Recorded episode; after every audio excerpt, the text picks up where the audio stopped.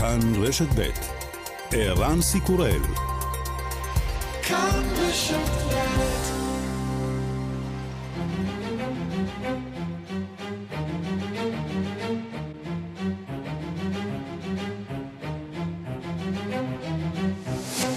השעה הבינלאומית 24 בספטמבר והיום בעולם.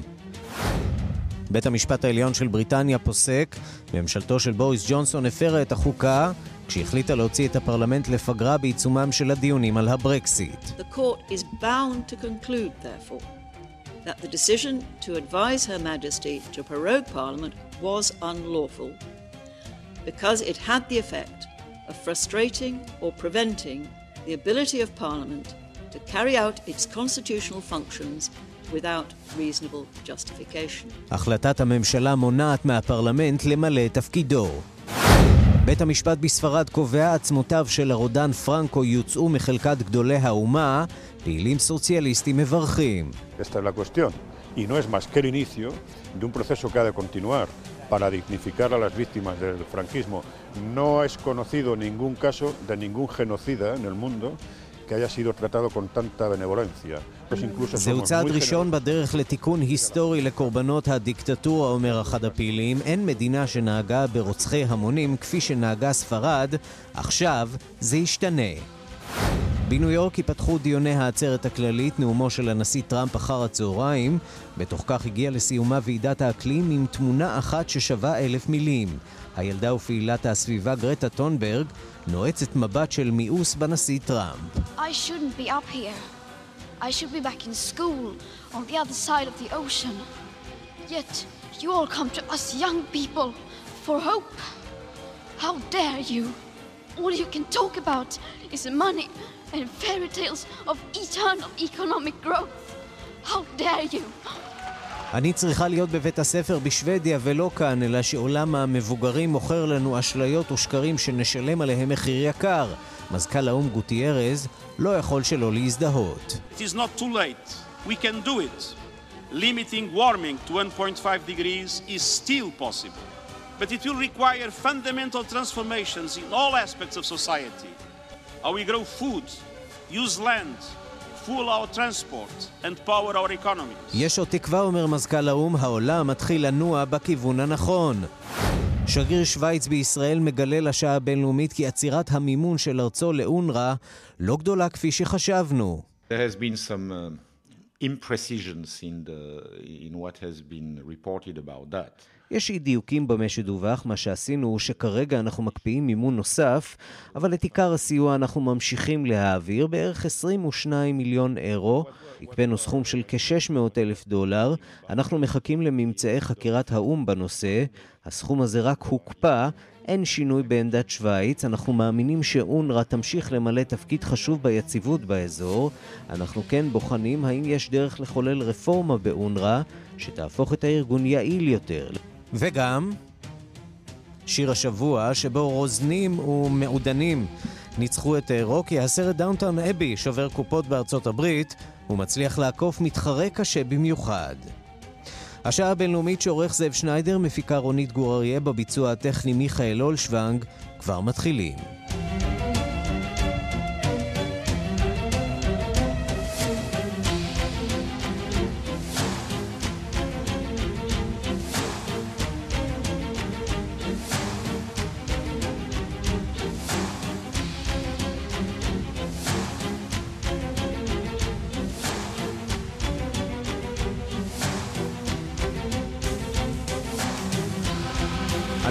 פותחים עם החלטת 11 שופטי בית המשפט העליון בבריטניה שפוסקים היום פה אחד כי עצתו של בוריס ג'ונסון למלכה להשעות את הפרלמנט לחמישה שבועות איננה חוקית. נשיאת בית המשפט העליון, ליידי הייל, הכריזה על פסיקת השופטים הבוקר ב-10 וחצי שעון בריטניה, ולפסיקה הזאת צפויות להיות השלכות חוקתיות, משפטיות ופוליטיות מרחיקות לכת. שלום לכתבנו בלונדון, עידו סואן כעת בישראל. עידו סואן כתבנו בלונדון. כן, הלו. עכשיו אנחנו שומעים אותך. כן, כן, אה, סליחה. החלטה אה, דרמטית. החלטה דרמטית שקשה להפריז בחשיבותה ודרמטיותה. אה, ברשותך, בואו נפתח בדבריה של ליידי הייל, נשיאת בית המשפט העליון, שמכריזה כעת על פסיקתו. This court has already concluded that the Prime Minister's advice to Her Majesty was unlawful, void, and of no effect. This means that the order in council to which it led was also unlawful, void, and of no effect, and should be quashed. This means that when the Royal Commissioners walked into the House of Lords, it was as if they had walked in with a blank sheet of paper. The prorogation was also void and of no effect. Parliament has not been prorogued. This is the unanimous judgment of all 11 בית המשפט קבע שהצעתו של ראש הממשלה למלכה אינה חוקית, בטלה ומבוטלת וחסרת תוקף, מכך נובע שהצו שהוצע בעקבות עצה זו אינו חוקי אף הוא, חסר תוקף, בטל ומבוטל. לכן כשנציב המלכה נכנס לבית הלורדים, כמוהו כמי שנכנס ודף חלק בידו. מכאן שההשעיה אף היא מבוטלת וחסרת תוקף, הפרלמנט לא הושעה, וזהו פסק דין שנתנו פה אחד כל 11 השופטים. אה, כן, ליידי הייל קבעה גם כי הפגיעה ביסודות הדמוקרטיה אה, במקרה הזה הייתה קיצונית, ולמעשה בית המשפט קבע שגם אם אתה ראש ממשלה מכהן, אינך עומד מעל החוק, עליך לכבדו, ומדובר למעשה, ערן, במקרה הדרמטי ביותר שבו מחליט בית משפט בבריטניה להפוך החלטה של ממשלה לאחר שפסק כי היא איננה חוקית. מדאונינג 10 נמסר כי הם לומדים כעת את פסק הדין, אבל לפני הממשלה ניצבות כעת שלוש אפשרויות בעקבות הפסיקה ההיסטורית הזאת. אחת היא לא לעשות כלום, השנייה היא להקדים את נאום המלכה ולזמן מחדש את הפרלמנט, והשלישית היא להשעות שוב את הפרלמנט, אך הפעם באופן חוקי. ג'ונסון הודיע אתמול שהוא לא יפסול השעיה נוספת של הפרלמנט, אך uh, הוא טרם הגיב על הפסיקה הטרייה, כיוון שהוא שוהה כעת בניו יורק, uh, שם uh, שעת בוקר מוקדמת. תירוץ דובר... טוב דווקא להיות בניו יורק כשאירוע כזה מתחולל במדינה שלך בשעות הבוקר. האמת שכן, כן, כן, אני חושב שהוא אה, אה, בהחלט אה, עשה אולי מבחינתו צעד אה, נבון. דובר בית הנבחרים ג'ון ברקו הכריז בעקבות הפסיקה כי על הפרלמנט לשוב ולהיכנס באופן דחוף, וכעת לאופוזיציה עומדת אה, האפשרות להגיש הצבעת אי אמון. אבל ג'רמי קורבין לא משוכנע אה, שיהיה רוב להצעה כזו, ושאם תתקבל, תוביל למעשה לממשלה חליפית, כנראה בראשותו, אה, ללא ממשלה אלטרנטיבית. הצבעת אי אמון תוביל למעשה לבחירות שיתקיימו ככל הנראה רק לאחר 31 באוקטובר, תאריך היעד אה, לברקסיט. אה, למעשה כל מפלגות האופוזיציה אה, תמכו, אה, בירכו על אה, פסיקת בית המשפט העליון. ג'ואנה צ'רי, חברת הפרלמנט מטעם המפלגה הלאומית הסקוטית, שגם הייתה בין העותרים בבית המשפט בסקוטלנד, כזכור, הכריזה שעל ממשלת המיעוט השמרנית ללכת הביתה. ועל ג'ונסון לעשות את הדבר ההגון לשם שינוי ולהתפטר באופן מיידי. אה, שמית שקרובטי, המתפקדת כיועצת המשפטי של ממשלת הצללים של האופוזיציה, אמרה כי בוריס ג'ונסון נהג כדיקטטור קטן וכי הוא צריך להתבייש, ושאיזה דוגמה בעצם הוא ישמש עבור המדינה אם לא יעשה כעת חשבון נפש בעקבות הפסיקה. וראשת מפלגת הירוקים, קרוליין לוקאס, קראה לכינונה של חוקה כתובה כדי שלא להזדקק בעתיד לסעד משפטי. מאחר שלבריטניה אין חוקה כזו. בוא נדבר על הפרלמנט עצמו. היה והפרלמנט באמת התכנס, אז אמרת שאפשרות אחת היא באמת uh, הצבעת uh, אי אמון, או אולי אפילו התפטרות של ראש הממשלה. Uh, בסך הכל לבוריס ג'ונסון אין הרבה קלפים לשחק איתם, כיוון שהפרלמנט כבר הכריע uh, שהוא איננו יכול לפרוש uh, עם בריטניה מן האיחוד האירופי ללא הסכם. מצד שני, אין הסכם כזה שמקובל עליו או על חברי הפרלמנט, ושוב, אנחנו נקלעים לאותו מבוי סתום, שלא נראה כאילו שלמישהו יש פתרון אליו. זה נכון, אלא אם כן פתאום אה, הוא ישלוף איזושהי עסקה שאליה הוא אה, אה, יצליח להגיע, ואז הפרלמנט באיזשהו אופן יאשר אותה. אה, תראה, אני לא מומחה אה, חוקתי ומשפטי או מומחה לפרלמנט, יכול להיות שזה עשוי לקרות, זו אפשרות לפחות תיאורטית, שהפרלמנט אכן יאשר איזושהי עסקה. אמ, כל הסימנים מראים שזה לא הולך לקרות, אבל אמ, אין לדעת, וכן, צריך לחכות ולראות מה אה, הולך, מה תגובתו של בוריס ג'ונסון לפסיקה הזאת. אני לא יודע אם הוא אה, עומד להתפטר או לא, כלומר, אני יכול רק לשער שעם אופיו עד כה זה לא נראה שהוא אה, הולך לוותר כל כך מהר, אבל שוב, אין לדעת כרגע. ובהנחה שאין שום שפן בכובע, התרחיש ללא תעלולים פוליטיים, הוא אה, בעצם, אה, אנחנו ממשיכים עם הטייס האוטומטי שלנו לעבר אה, סוף אוקטובר, וקריסתה של בריטניה מתוך האיחוד האירופי, נפילה החוצה. ואז לא ברור מה קורה, מה קורה למשל עם סחורות, מה קורה עם תושבי החוץ שחיים בבריטניה, מה קורה עם כן, הבריטים שחיים באיחוד האירופי, המון שאלות המון שלא המון סגורות. כן, בהחלט. אני, אבל תראה, ככל שמתקדם הזמן, וראינו עכשיו את פסיקת בית המשפט, לא נראה שחברי הפרלמנט הולכים לעצור כאן, ונראה שיש נחישות מצד האופוזיציה למנוע בכל מחיר יציאה כזאת ללא הסכם, וכעת שכוחו של ג'ונסון נחלש בעקבות הפסיקה הזאת, קרוב לוודאי ש... אתה יודע, כרגע האופוזיציה תגדל כוחה, אבל בהחלט לא ברור אילו אמצעים אופרטיביים. בוא נזכור שעדיין תלויה ועומדת החלטה של הפרלמנט לפנות לאיחוד האירופי ולבקש הערכה.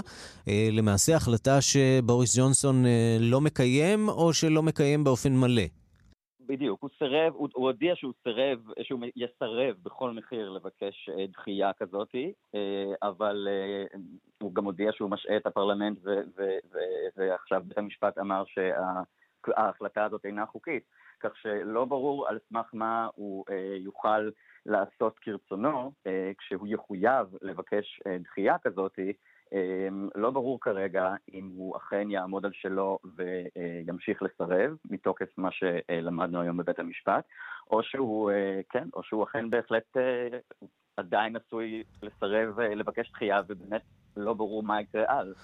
שמע, לא ברור איפה מסובך יותר, בישראל או בבריטניה, אבל מה שבטוח מעניין. עידו סואן, כתבנו בלונדון, כעת מבקר בישראל. תודה. תודה, תודה, ערן.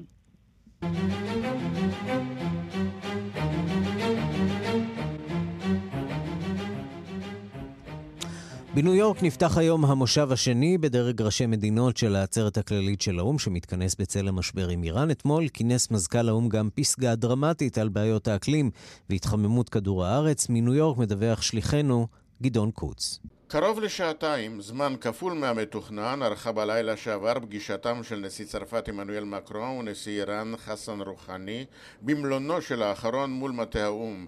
לפי מקורות צרפתים היה לשניים דיון ישיר בנושא התקפה בסעודיה ב-14 בספטמבר, ומקרון אמר כי צרפת, כמו בריטניה וגרמניה, שאיתן פרסמה הודעה משותפת בנידון, רואה את איראן כאחראית להתקפה משום שאין הסבר אחר המתקבל על הדעת, וכי מדובר באיום לא רק על סעודיה והמפרץ, אלא על השלום העולמי. לדבריו אמנם הדרך להפגת ההסלמה צרה, אבל הזמן הגיע יותר מתמיד עבור איראן לבחור בה. רוחני חזר מצידו על נכונותו לעבוד יחד עם שלוש המדינות האירופיות, והצהיר כי ארצו מעוניינת בשלום וביציבות. מקרון אמר כי יש להתקדם בדחיפות על בסיס העקרונות שהוצבו בפסגת ה-G7 ולפתוח בשיחות על הביטחון האזורי, כולל מיצרי הורמוז ותימן. מקרון יפגוש היום שוב את נשיא ארצות הברית טראמפ לאחר פגישה קצרה ביניהם אתמול. לגבי סיכויי מפגש בין טראמפ לרוחני, אמר תחילה מקרון כי הוא רשם לפניו את דברי שר החוץ האיראני זריף, שאמר כי הנשיא רוחני והוא מוכנים להיפגש עם נשיא ארצות הברית, בתנאי שיודיע קודם על הסרת הסנקציות נגדם. אבל זריף ענה אתמול, כשיצא לקדם את פני רוחני בשדה התעופה, לשאלה האם צפויה פגישה בין נשיאו לטראמפ, וענה לא בצחוק רועם. ואילו טראמפ המשיך לומר, נראה מה יקרה, לא צריך תיווך, הם יודעים מה הכתובת. I don't think we need a mediator. He's a friend of mine, but uh, we're not looking for any mediators. They know who to call. מקרון הודה כי התקפה בסעודיה שינתה את המצב, לאחר שהמסגרת והתנאים למשא ומתן עם איראן כבר נקבעו. טראמפ ומקרון ינאמו היום במליאת עצרת האו"ם ומחר יגיע תורו של רוחני. נשיא צרפת היה משתתף מרכזי בפסגת האקלים אתמול, הוא קרא להמשיך בהתגייסות ליישום הסכם פריז למניעת ההתחממות הגלובלית, וכינס מושב חירום בנושא ייעור האמזונס, אבל בלי ברזיל המתנגדת שיכתיבו לה פתרונות, ונסיעה מסוכסך עם מקרון, שאגב צפוי להגיע היום לעצרת לאחר נאומו הפותח של בולסונארו. במליאת פסגת האקלים הייתה צרפת בין חמש המדינות המזהמות שהותקפו על ידי הפעילה הצעירה גרטה טונברג, שאיימה להגיש נגדם תביעה עם עוד 150 ילדים לבית הדין הבינלאומי. This is all wrong. I shouldn't be up here. I should be back in school on the other side of the ocean. Yet you all come to us young people איך אתם ישנים בלילה? איך אתם ממשיכים לעשות עסקים? אנשים מתים, אני אמורה בכלל להיות עכשיו בבית הספר, היא קראה בקול נרגש. כאן גדעון קוץ, ניו יורק. ושלום לשליחנו לניו יורק, נתן גוטמן. שלום ערן. עד כמה הרשים את הנשיא טראמפ הנאום הזה של גרטה טונברג והמבט המצמית שהיא נעצה בו שם בעצרת הכללית? קשה לדעת, בוא נאמר שקודם כל הוא היה שם רק לדקות ספורות, הרי הוא התכוון תחילה להחרים בכלל את הדיון הזה, השתתף במקום זה באיזשהו כינוס בעניין חופש דת בעולם, אחר כך החליט לקפוץ פנימה, ישב שם 10-15 דקות, האזין בפנים חתומות והלך, אחר כך צייץ בלילה ציוץ שאפשר היה להבין אותו או מצד אחד כהערכה לגרטה, או מצד שני כאיזושהי אמירה קצת צינית שבו הוא מדבר על כך שהיא ילדה שמחה ושהוא מאחל לה חיים טובים, מקווה שהוא לא התכוון רק בציניות בציוץ הזה. אז בואו נדבר על מה שעומד לקרות היום שם בניו יורק. אתם כולכם ערוכים ומוכנים לשמוע את נאומו של הנשיא טראמפ שם בעצרת הכללית. אפשר להניח שאיראן תעמוד במוקד הנאום שלו או שלא רק? אפשר להניח שמה שמעניין אותנו זה בעיקר איראן, וזה בהחלט יהיה פרק מנאומו, הנשיא טראמפ עוסק בזה בצורה מאוד נרחבת בשבועות האחרונים, בעיקר אחרי ההתקפה על מתקני הנפט בסעודיה, אבל זה לא אומר שזה הנושא היחידי שמטריד אותו, כמובן סחר בינלאומי עם סין, היחסים עם אירופה, כל הדברים האלה עומדים על הפרק, טראמפ קיים אתמול שיחה, סדרה של מפגשים דו צדדיים עם הרבה מהמנהיגים שנמצאים כאן באזור, ויש הרבה מאוד נושאים, מהצעה שלו לתיווך בסכסוך על קשמיר ועד למעורבות במזרח התיכון וכיוצא באלו, אבל אין ספק שהנושא האיראני הוא אחד המרכזיים, כאשר המסר של טראמפ הוא בעצם כפול, מצד אחד כן ידנו עדיין מושטת למשא ומתן, למרות שלא תהיה פגישה, את הפגישה שכולם מצפים לה כנראה, מצד שני אנחנו תקיפים, אנחנו קשוחים, אנחנו הולכים לה, להגביר את הלחץ עוד יותר על איראן. בואו נשמע דברים שאמר טראמפ אחרי פגישה עם ראש ממשלת סינגפור אתמול. We have a lot of pressure on them right now, more pressure than they've ever had. And Iran knows that uh, they're in a position that uh, they're, a lot of things are going to happen. Let me just put it this way. A lot of things are happening with respect to Iran, a lot more than you would know, a lot more than the media knows, but a lot of things are happening. כן, מה, מה אפשר להבין מזה? הרבה כזה? קורה, המון, הרבה, הרבה. הרבה דברים קורים, אתם לא יודעים הכל, נראה מה יקרה, אבל יש הרבה מאוד לחץ על איראן. האיראנים עצמם שנמצאים כאן, זריף נמצא כאן כבר כמה ימים, רוהני הגיע אתמול, הם מתייחסים יותר בביטול אל הטענות האמריקניות של סנקציות האחרונות, ויכול להיות שיש מידה מסוימת של צדק בעניין הזה, כי הסיבוב האחרון של הסנקציות שהנשיא טראמפ הגדיר אותו כקשה מכולם, בעצם חוזר במידה רבה על עיצומים אחרים שכבר נכנסו לתוקף. בואו נשמע את הדברים שאומר הנשיא רוהני בעניין הזה. همونایی که قبلا تحریم کردن دو مرتبه دارن تحریم میکنن خب این به معنای استیصال کامل آمریکاست و معلومه این تحریم حتی תרשה לי לנחש אותו הרבה יותר קשה לתרגם. כן, ולכן נעזר פה בתרגום לאנגלית שלפנינו, הוא אומר האמריקנים הם מטילים סנקציות על מוסדות שכבר היו ברשימה השחורה שלהם, וזה מאותת על כך שהאמריקנים נמצאים בייאוש מוחלט ממסע הלחץ המקסימלי שלהם, ושהמסע הזה, הקמפיין הזה, נכשל לחלוטין, כך אומר רוהני. אבל מה שבאמת מטריד עכשיו את התקשורת האמריקנית, ואת טראמפ זו זירה אחרת, אוקראינה, והטענות על כך שהוא, הנשיא טראמפ, ביקש מנשיא אוקראינה זלנסקי בעצם להפליל את בנו של ג'ו ביידן, המועמד לנשיאות.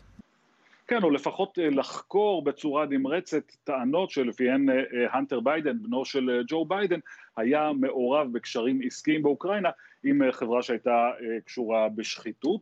והוא לא רק ביקש גם מהשיחה, לפי הדיווחים, אנחנו לא יודעים באמת מה היה בשיחה, לפי הדיווחים, הוא גם לחץ, הוא רמז שיש פה איזושהי עסקה, ארה"ב תשחרר את עסקאות הנשק הקפואות ואת הסיוע הצבאי לאוקראינה, בתמורה למאבק של אוקראינה בשחיתות, כאשר הוא מתכוון לשחיתות מאוד ספציפית בנושא הזה. הסיפור הזה שהחל בשבוע שעבר, צובר הרבה מאוד תאוצה בימים האחרונים, גם בגלל שמדובר בנושא מאוד נקודתי שקל להוכיח או להפריך אותו, והכל יהיה תלוי בשאלה אם טראמפ יאפשר לרשויות המודיעין לשחרר את תמליל השיחה, שם אמורה להיות התשובה לנושא הזה, ספק אם זה יקרה, אבל גם בגלל שזה הצליח לגבש את הדמוקרטים לקריאה שלא שמענו כמוה בעבר. בכל עניין המעורבות הרוסית שמענו אנשים בשוליים של המפלגה הדמוקרטית מדברים על הצורך לקדם את ההדחה, שמענו את האכזבה המסוימת שלהם אחרי הדוח של מולר, הרצון להתקדם בשאלה של האם טראמפ שיבש הליכי משפט, וכאן הדמוקרטים בעצם אומרים, ושומעים את זה יותר אפילו בתוך המיינסטרים הדמוקרטי, אומרים זה נושא להדחה. יכול להיות שלא נצליח להעביר impeachment בקונגרס, הסנאט הרי בסופו של דבר נשלט על ידי הרפובליקנים, אבל זה נושא שאנחנו לא יכולים לעבור עליו לסדר היום. נשיא אמריקני משתמש במעצמה זרה לצרכים אה, פוליטיים בתוך אה, ארצות הברית, זה עניין שקל להוכחה, זה לא כמו המעורבות הרוסית, שזה עניין יותר תיאורטי, ולכן צריך להתקדם עם זה. לא, זה לא יהיה מאוד מפתיע אם אנחנו נראה את ההליכים האלה זזים מהר בבית הנבחרים, ומהתגובות הרבות כל כך של אה, טראמפ בטוויטר ובראיונות לנושא הזה, ניכר שגם הנשיא קצת מבין את הלחץ. נתן גוטמן, שליחנו לעצרת האו"ם בניו יורק, תודה רבה.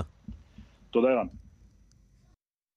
השעה הבינלאומית, גרמניה, צרפת, איטליה ומלטה חתמו אתמול על הסכם לפיזור המהגרים ביבשת. ההסכם הזה צפוי להוביל גם את שאר מדינות האיחוד להצטרף אליו, ומדינות שיסרבו יענשו בקנסות.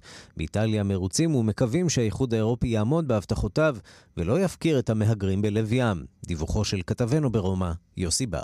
חתמנו על הסכם היסטורי, אומר ראש ממשלת איטליה ג'וזפה קונטה. הוא מתכוון להסכם שנחתם אתמול במלטה לחלוקת מהגרים בין מדינות האיחוד האירופי. שרת הפנים החדשה, לוצ'אנה למבורג'זה, שהחליפה את מתאו סלוויני בממשלה החדשה, אופטימית אך זהירה יותר. Abbiamo stabilito determinate cose, tra cui... מהיום איטליה אינה בודדה. קבענו שמדינות אירופה יעשו רוטציה בקליטת מהגרים.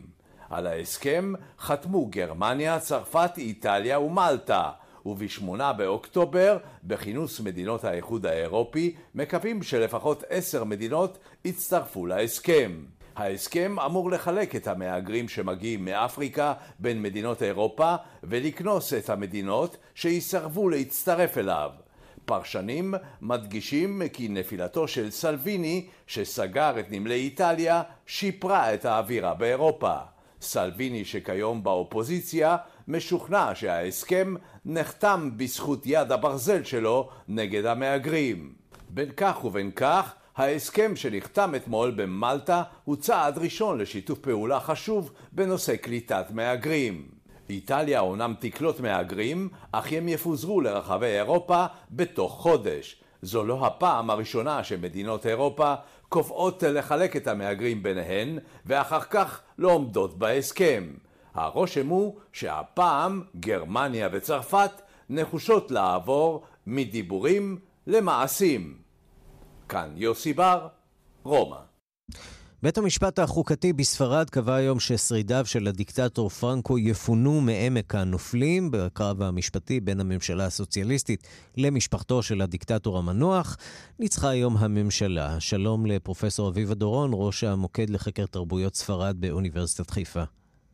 שלום רב. בואי ננסה להיזכר uh, בפרנקו, בואי תזכירי לנו קצת uh, את הרודן הזה ששלט בספרד למעשה עד אמצע שנות ה-70, נכון? נכון. הסיפור, כולנו זוכרים שהייתה מלחמת אזרחים, ואפילו מי שלא אמון על, על ספרי ההיסטוריה, זוכרת למי צלצלו הפעמונים של הלמינגווי. נכון. הרומנטיקה הייתה יפה, המלחמה הייתה אכזרית. אז uh, פרנקו בעצם תפס את השלטון כתוצאה ממרד של הפלנגות, של שמרנים שהוא אסף סביבו, הם מרדו, הייתה ממשלה רפובליקנית, והם מרדו בממשלה. מי שהגן על הממשלה הם הרפובליקנים. הכוחות הגדולים, האידיאליסטים, אה, בעצם התבססו על הרפובליקות האנרכיסטיות. זה במילים אחרות, נאמר, אה, שכבות אה, ליברליות, חברתיות, שמקורן החזק היה בקטלוניה, שהיום בחדשות בכיוון אחר. Mm-hmm. אז היא הייתה חלק מאוד מאוד מליבה חזק ופעיל בליבה הליברלי החופשי של ספרד. והם נאבקו כדי לשמור על הממשלה הרפובליקנית. כן? הנרטיב הזה, אגב, טבוע עד היום בהתבטאויות של המנהיגים הקטלונים. גם עכשיו, כשהם מדברים על היפרדות מספרד, הם משתמשים במילים בנוסח פשיזם והשלטון של הדיקטטורים. זאת אומרת שבאמת הסיפור הזה נכון, עדיין. עמוק עמוק בתודעה הספרדית. נכון, אלא שנוח להם היום לא להזכיר שלורקה, המשורר לורקה, שהיה מהכוחות הרפובליקנים באנדלוס, באנדלוסיה, היו באותה מידה חלק מאותה אה, חזית ליברלית למען החופש, למען שמירת הממשלה, שהעקרונות הרפובליקניים שלה היו אה, אור לרגלי אה, אה, מדינת ספרד. אז אנחנו מדברים בעצם על מלחמה שהחלה ביולי 36, נמשכה עד אה, אפריל 39. אה, אה, נכון. ערבה בתוכה הרבה מאוד כוחות עולמיים מימין ומשמאל, ופרנקו... אני לא יודעת אם זה, זה לא עניין של ימין ושמאל, כי אני גם לא רוצה להעליב את הימין, mm-hmm. חברים מהימין שלנו, כי שם זה היו בפירוש פשיסטים. Mm-hmm. ופשיסטים, אגב, שאנחנו ממשיכים לראות אותם... הפשיסטים אה, מול הרפובליקנים. עכשיו, מה שקרה כדי להגיע להחלטה ולחשיבותה, אין ארוך לחשיבותה, מפני שפרנקו, כשפרנקו גייס לצידו כוחות מבחוץ. הרפובליקנים היו ספרדים, ולבריגדה הבינלאומית גם באו מישראל. Mm-hmm. אני זוכרת את אימא שלי מספרת על חברים שלה שנפלו בספרד. זה חלק מתולדות היישוב הישראלי, mm-hmm. המיתוס של המלחמה הספר... הספרדית. אז אנחנו יודעים שהגיעו כוחות מתנדבים. לעומתם, פרנקו לא נסמך על ספרדים וכמה מתנדבים, הוא נעזר בהיטלר. כל התמונה, התמונה המפורסמת גרניקה, שהיא מתארת את הרס העיירה גרניקה, הופצצה על ידי היטלר. בואי נדבר. על ההחלטה הזאת שהתקבלה אוקיי, uh, היום. קודם כל, נשאלת השאלה, לא... איך, איך קורה שפרנקו uh, עד היום לא זכה לגינוי הזה ושרידיו עדיין לא הוצאו uh, ממה שאולי מקביל אצלנו לחלקת כל, גדולי האומה? קודם כל, כמה מילים, כמה שנורא עמק הנופלים, כי ישראלים רבים נוסעים לתומם ונוסעים ברכבל ונהנים מהאתר. החברים הספרדים שלי, מחרימים את האתר הזה, מפני שמהותו, נגיד אותה בקיצור, אבל זה חשוב כדי להבין את גודל ההחלטה. האתר הזה, פרנקו רצה להנציח את עצמו, והוא שיחק על הנימים הדמגוגיות הרגשיות של העם הפשוט. מה הוא עשה? הוא בנה אותו באזור אסקוריאל, ששם היה משכן המלכים, הספרדים עד היום מעריכים את מוסד המלוכה, אתה יודע, ובנה אה, כנסייה אדירה, יותר גדולה משל הוותיקן, ואמר, פה יש כנסייה, ואנחנו על יד אסקוריאל, ואני מתחבר לזה, והצלב הענק בגובה של 150 וכמה מטר, רואים אותו למרחקים. ועכשיו יוציאו את אה, גופתו, אני מתנצל שאני ככה מזרז את, ה... מזרז את המאוחר, אבל אה, כיוון שזמננו קצר... אני אה, מכבדת את הזמן. עד כמה, עד כמה באמת ההוצאה של הגופה שלו והשבתה על המשפחה שלו באמת תייצר כאן אה, פיוס בעם הספרדי. אני לא יודעת אם פיוס, אבל קודם כל צדק ו- וכבוד, מפני שהוא גם עשה עוד דבר שחייבים להזכיר.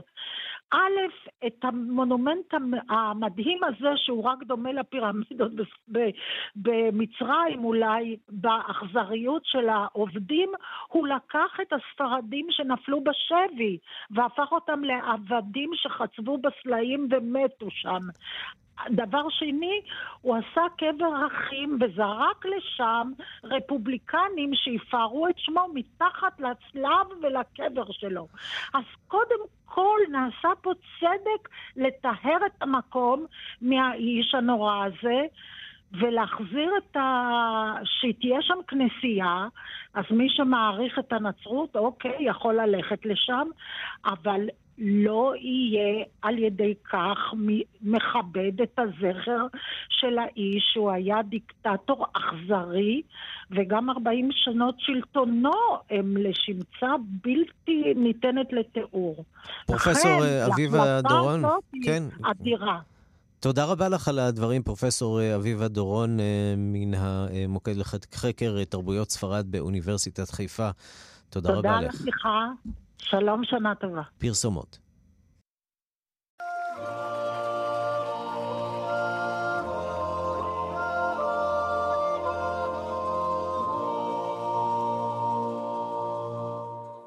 Max et Fiutoix, Svemedus ישראל ושווייץ מציינות השנה 70 שנה ליחסים בין שתי המדינות. לשתי המדינות לכאורה אין שום דבר במשותף.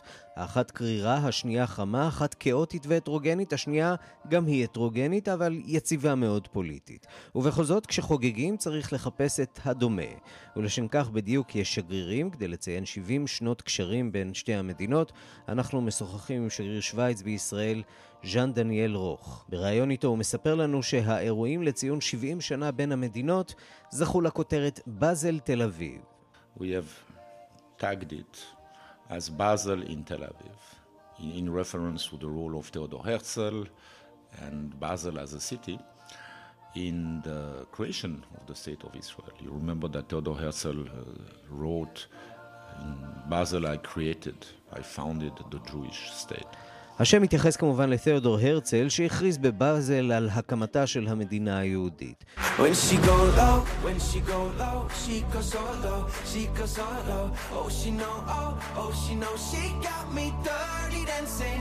זוהי דרך טובה לציין את הדמיון בין באזל לתל אביב. שתי הערים פתוחות, תוססות וממוקדות בפיתוח העתיד. חשבנו שזו דרך טובה להראות איך שתי המדינות עובדות יחד ומובילות שינוי. in terms of uh, innovation, in terms of creating the future. האירוע הגדול ביותר יתקיים הערב בשמונה ברחבת האופרה של תל אביב. We are going to occupy the Tel Aviv Opera Square for a Basel evening. with uh, typical music, with carnival click. אנחנו מתכוונים לכבוש את הכיכר לערב באזל עם מוסיקה אופיינית, קרנבל, מזון ומשקאות, ואנחנו מקווים שזאת תהיה חוויה טובה לכל תושבי תל אביב. האירוע פתוח לכולם וכולם מוזמנים.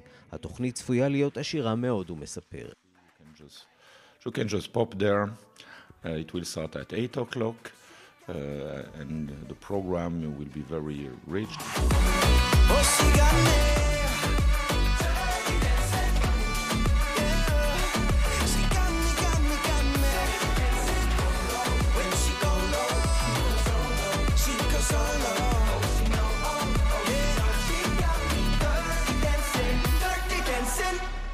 אחת הסוגיות שעומדות אה, בין המדינות היא הסיוע ששוויץ אה, מעניקה לפלסטינים באמצעות אונר"א.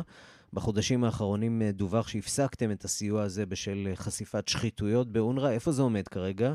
There has been some, uh, some imprecisions in, the, in what has been reported about that. יש אי דיוקים במה שדווח, מה שעשינו הוא שכרגע אנחנו מקפיאים מימון נוסף, אבל את עיקר הסיוע אנחנו ממשיכים להעביר, בערך 22 מיליון אירו.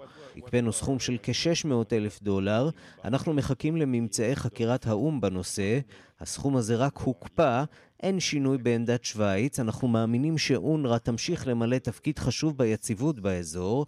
אנחנו כן בוחנים האם יש דרך לחולל רפורמה באונר"א שתהפוך את הארגון יעיל יותר, לכזה שמציע שירותים טובים יותר לציבור הלקוחות שלו, בתי ספר טובים יותר, בריאות ומקומות עבודה, אבל כרגע אנחנו לא מטילים ספק בחשיבות אונר"א או מקפיאים העברת כספים. So far, uh, we are not questioning the existence of UNRWA or talking or considering channeling the funds through other channels. I mean, we continue, we, we, we work within the context where UNRWA continues to exist and continues to fulfill its mandate. אז מה משותף לשתי המדינות? שירות חובה בצבא, מערך מילואים, כל אלה העניקו לשוויץ 500 שנה של שקט מהשכנים, כולל במלחמת העולם השנייה. בשוויץ רואים בניטרליות נכס אסטרטגי. שוויץ השכילה מצד אחד לא להיות חברה באיחוד האירופי, ומן הצד האחר להשתלב בו כמעט באופן מלא. Switzerland is totally integrated economically within the European Union. We're also part of the Schengen Agreement. Which has allowed us to remove the, the barriers and control at, at the borders. כלכלית שווייץ ממוזגת לחלוטין באיחוד. אנחנו חלק מאמנת שנגן שמאפשרת תנועה חופשית באיחוד ואפשרה לנו להסיר את המחסומים בגבולות. הדבר היחיד שלא קיים הוא אינטגרציה פוליטית. המודל הרב-צדדי משרת את מטרותינו מצוין. הכלכלה חזקה וממש כמו בישראל, הצליחה לבלום את המשבר הכלכלי ב-2008, כך שרק מיעוט מהציבור רוצה לשנות נוסחה שעובדת. Quite a minority of people today who, who see uh, any reason to change a formula which is winning. אני שואל את השגריר האם הנוסחה השוויצית יכולה להתאים למשל לבריטניה של אחרי הברקסיט. The Swiss option is certainly one option that the UK has been studying. האפשרות השוויצרית היא אפשרות אחת שהבריטים בוחנים, אבל יש גם חלופות אחרות, כמו המעמד שמהן נהנות נורבגיה, איסלנד וליכטנשטיין. אבל אי אפשר לערבב אגסים ותפוחים. בריטניה מדינה גדולה הרבה יותר עם אינטרסים לאומיים שונים מאוד מאלה שלנו. אפשר בהחלט לשאוב השראה, אבל אין פתרון אחד. And, uh, well. But uh, I don't think that the, the, there is one uh, size fits all model. ושוויץ היא אחת המדינות היחידות במערב שבה הדמוקרטיה היא יציבה מאוד ויש אמון גדול מאוד בשיטה. איך אתה מסביר את האמון שהעם נותן בממשל?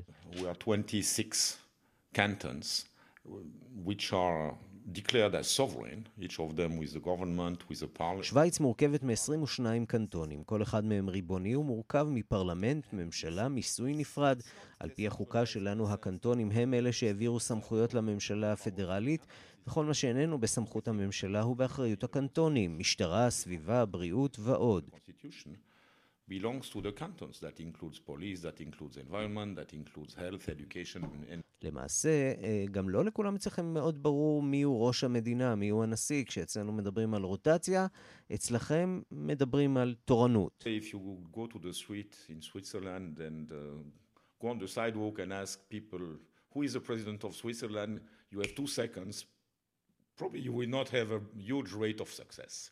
אם תסתובב ברחובות ותשאל מיהו נשיא שווייץ, סיכוי טוב שאנשים לא ידעו. הממשלה מורכבת משבעה שרים, ובכל שנה אחד מהם לוקח על עצמו גם את תפקיד הנשיאות. יש אמון גדול במערכת הממשלתית והפוליטית. באופן הזה יש לנו את אותה קואליציה בערך משנת 1959. היציבות הפוליטית גבוהה מאוד, יש מי שמגדירים את השיטה שלנו משעממת, אבל היא הוכיחה את עצמה והביאה יציבות פוליטית וכלכלית וניהול נכון של המדינה. Economic stability and I think also a sound management of, uh, of the state. So those parties represented in the government represent about 80% of those parties represented in the parliament.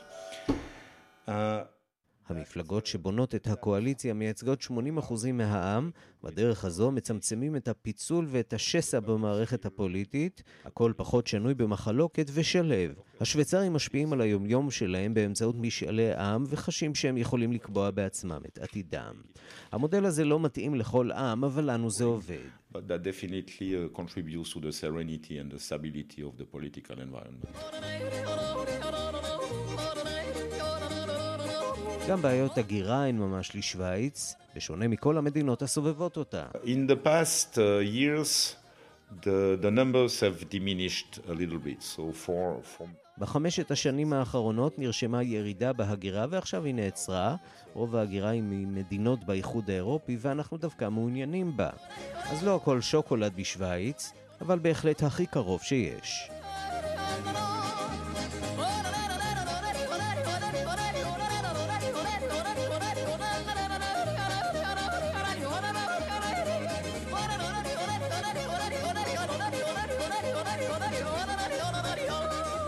אנחנו מכאן להצגת תיאטרון שעלתה לאחרונה בלונדון ועוסקת בסיפורם של אקרובטים וליצנים יהודים במהלך השואה. שלום לשחקנית סתיו מישר. סתיו מישר? כן, כן, שלום. אנחנו שומעים אותך היטב. בלונדון אה, ליצנים ושואה זה אה, לא כל כך הולך ביחד בדרך כלל. האמת היא שיש uh, סרט שנגנז שנקרא uh, The Clown Who Cried על ידי, שכחתי איך קוראים לו, אבל איזשהו קומיקאי ידוע. Uh, וכמובן יש את רוברטו בניני בחיים יפים, זאת אומרת, זה, זה לא פעם ראשונה שיש את השילוב הזה, אבל דווקא הסיפור הוא לא על ליצנים, הסיפור הוא על אקרובטים. אז איך הגעת לסיפור הזה, סיפורם של אקרובטים יהודים בשואה? אה, זה היה לגמרי במקרה, או אם תרצה לומר אה, יד הגורל. אה, כשאני לא שחקנית ואומנית במה, יש לי עסק קטן ללימוד תכנים יהודיים דרך אומנויות במה. זאת אומרת, אני משלבת לימודי עברית, יהדות, תורה, דרך תיאטרון, מוזיקה, מחול, דברים כאלה. וכשהתחלתי לשלב קרקס בשיעורים שלי, הייתי מאוד סקרנית לדעת האם היה עוד איזה משוגע שחשב על השילוב הזה של לימודי יהדות דרך קרקס. אז הלכתי לי לגוגל והקלדתי Circus Jews, ואחת התוצאות הראשונות שגוגל נתן לי היה אה, ההספד שעיתון הניו יורק טיימס כתב לאדולף אלטהוף, מנהל הקרקס הגרמני, שהציע את המשפחה הזאת וזכה לתואר חסיד אומות עולם אה, מיד ושם. מה יש בהצגה? את יודעת מה, אבל בואי, אבל בואי נשמע אולי קטע מתוך uh, ההצגה, ואז uh, ספרי לנו קצת uh, מה אנחנו שומעים. This was my family's circus. Circus Lorch, one of the best in Germany and known worldwide. But the world was changing. That's when I noticed him. Double breasted uniform, crisp and sharp the silver eagle shining on his chest and a swastika screaming red on his arm. I'm so terrified I almost drop my balls, but I keep on juggling as if my life depends on it. Throw catch, throw catch, over and over again. כן, צריך להגיד שהחיבור הקברטי הזה, אנחנו דווקא כן מכירים אותו מקברט למשל, סביב באמת אותן, אותה תקופה. ומה הסיפור בעצם שאת מביאה בהצגה הזאת? אני מביאה את הסיפור האמיתי של אה, בחורה בשם אירן דאנר, שהיא הייתה אה, נצר לשושלת אקרובטים יהודית מאוד ידועה בתחילת המאה ה-20 בגרמניה ובעולם למעשה. המשפחה שלה הופיעה עם קרקס רינגלינג אה, באמריקה, עם אה, קרקס סרסני הגרמני בדרום אמריקה, זאת אומרת, הם היו ממש אה, משפחת אצולה. של אקרובטים, והיא, הנכדה של האקרובטים האלה, אה, כבר גדלה בתקופה שבה אה, החוקים, חוקי הגזע הנאצים נכנסו אה, לחוק, היה אסור להעסיק יהודים, אבל היא כמובן רצתה לעבוד, רצתה לעשות את מה שהיא אוהבת, ושכנעה את בעל הקרקס הגרמני לתת לה עבודה, כאשר בהתחלה זה היה רק בשביל שהיא תוכל להיות עם הבחור שהיא אהבה, שהיה הליצן בקרקס הזה, ועם התקדמות המלחמה ועם התחלת הטרנספורטים והמחנות ריכוז וכל זה, זה גם הפך אה, לג'וב שהציל את חייה ואת המשפחה שלה שהצטרפו אליה מאוחר יותר. אז סתיו, את עובדת ופועלת בלונדון, מתי יש סיכוי שנראה את ההצגה הזאת כאן בישראל? תאמין לי, אם יש מישהו שרוצה לה, להרים את הכפפה, אני על המטוס הבא עם תרגום של ההצגה לעברית. בשמחה רבה. סתיו מישר, השחקנית בלונדון, תודה רבה לך על הדברים הללו. תודה, יום טוב.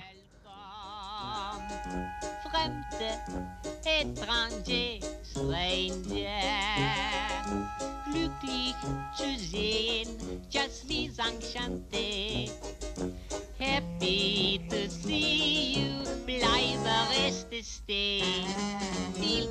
ואיך אפשר uh, לסיים uh, אייטם כזה בלי השיר הזה, בלי קברט? מתוך המחזמר, קברט. ועד כאן השעה הבינלאומית מהדורת יום שלישי, העורך הוא זאב שניידר, המפיקות רונית גור אריה, אורית שולץ וסמדר טל עובד, השחק... הטכנאים מיכאל אולשוונג ושמעון דוקרקר, אני רנסי קורל, אחרינו רגעי קסם עם גדי לבנה, אנחנו נפגשים שוב בשתיים בלילה בשידור החוזר וגם מחר בשתיים בצהריים עם מהדורה החדשה של השעה הבינלאומית, ועד אז אנחנו בדף ההסכתים של כאן. חפשו אותנו תחת השם כאן עולמי בגוגל או בכל אה, אפליקציית אה, הסכתים, ותוכלו לעשות מינוי ולקבל אותנו בפוש בלי פרסומות ישירות לנייד שלכם. המשך יום מעולה. Even the orchestra is beautiful.